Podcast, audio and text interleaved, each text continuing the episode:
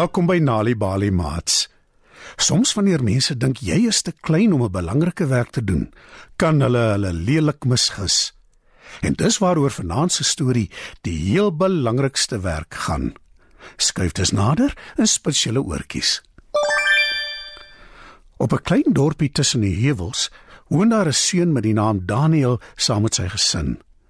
Sy huis is aan die kant van die dorpie naby die groot pad. In die huis is daar heelwat kamers waar moe besoekers kan oornag en hulle verkoop met spys en drank tydens hulle reise. Daar is altyd vreemde mense in Daniel se huis, maar hy is al gewoond daaraan. Op 'n dag is dit selfs bedrywiger by sy huis as gewoonlik. Daar is selfs meer vreemdelinge as gewoonlik en almal in sy gesin is besig. Almal het iets om te doen. Almal behalwe Daniel.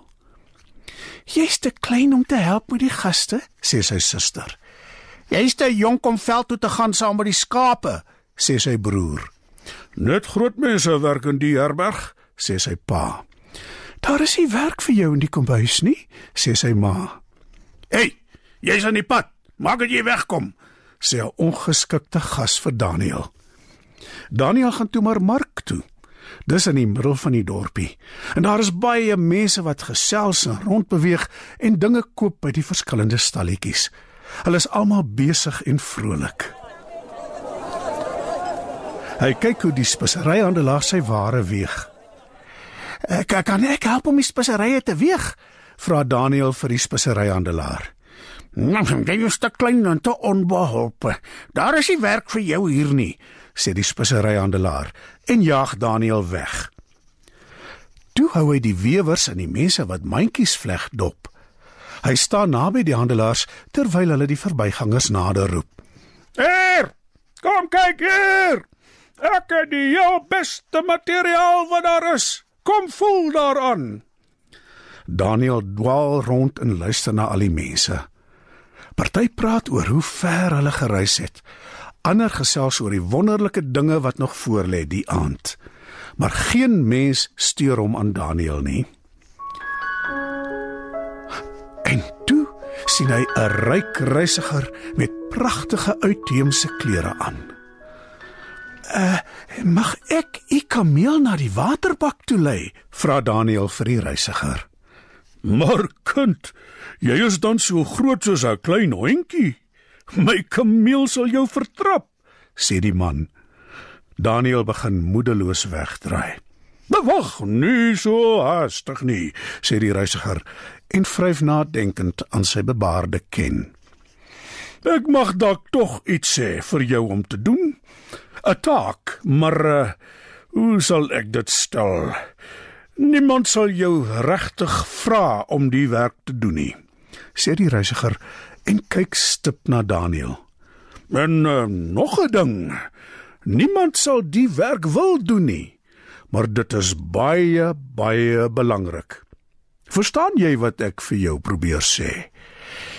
Nee, regtig nie, maar ek sal dit onthou, antwoord Daniel en toe gaan hy huis toe. Daar aangekom is dit reeds taamlik laat. Ons het baie gaste, kla Daniel se ma. Maak dus seker jy bly uit almal se pad uit.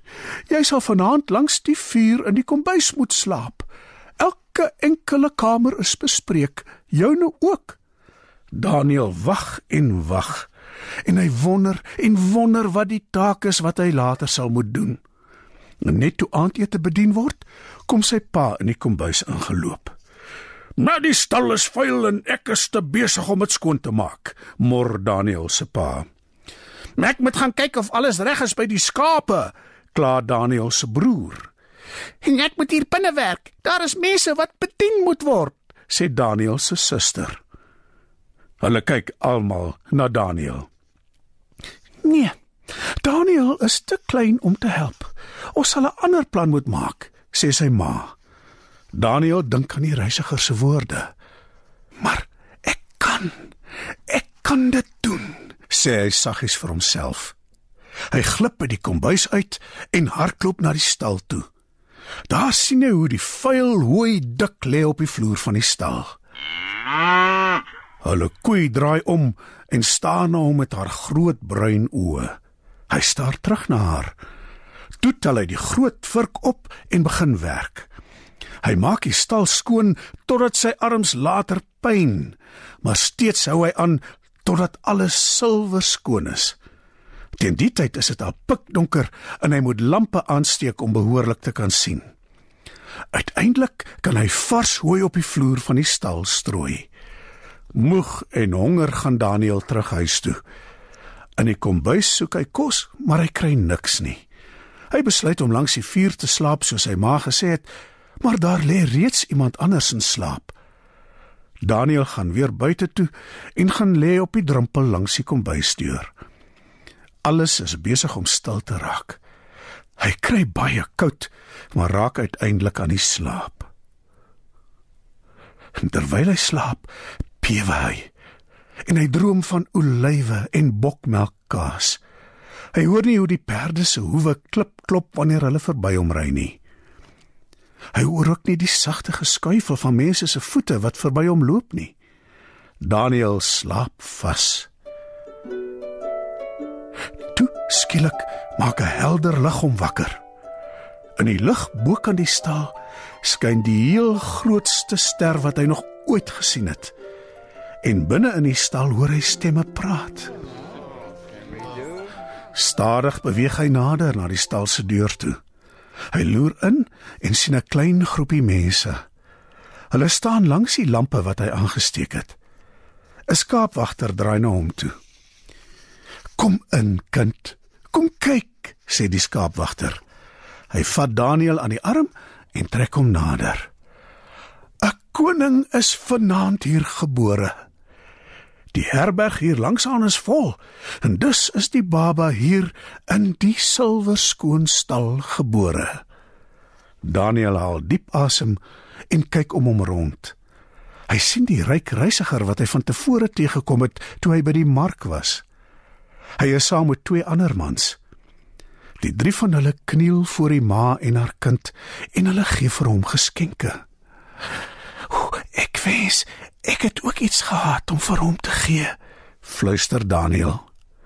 Die ryk reisiger kom na hom toe en fluister in sy oor. Jy het reeds Daniel. Jy het reeds. Op die oomblik draai die baba se ma na hom toe. Sy kyk na Daniel en sy glimlag. En toe lê sy die baba neer op die skoon hooi wat Daniel daar gesit het.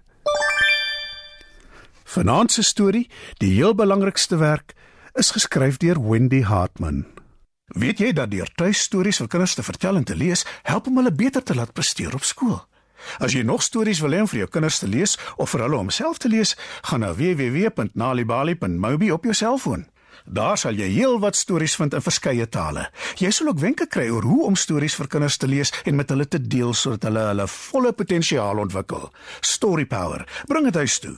Besoek ons op www.nalibali.mobi of kry Nalibali op Facebook en mix dit. Die Nali Bali byla met pragtige stories en heelwat aktiwiteite is beskikbaar in KwaZulu-Natal, Sunday World, Engels en isiZulu, Gauteng, Sunday World, Engels en isiZulu, Vrystaat, Sunday World, Engels en Sesotho, Weskaap, Sunday Times Express, Engels en isiXhosa.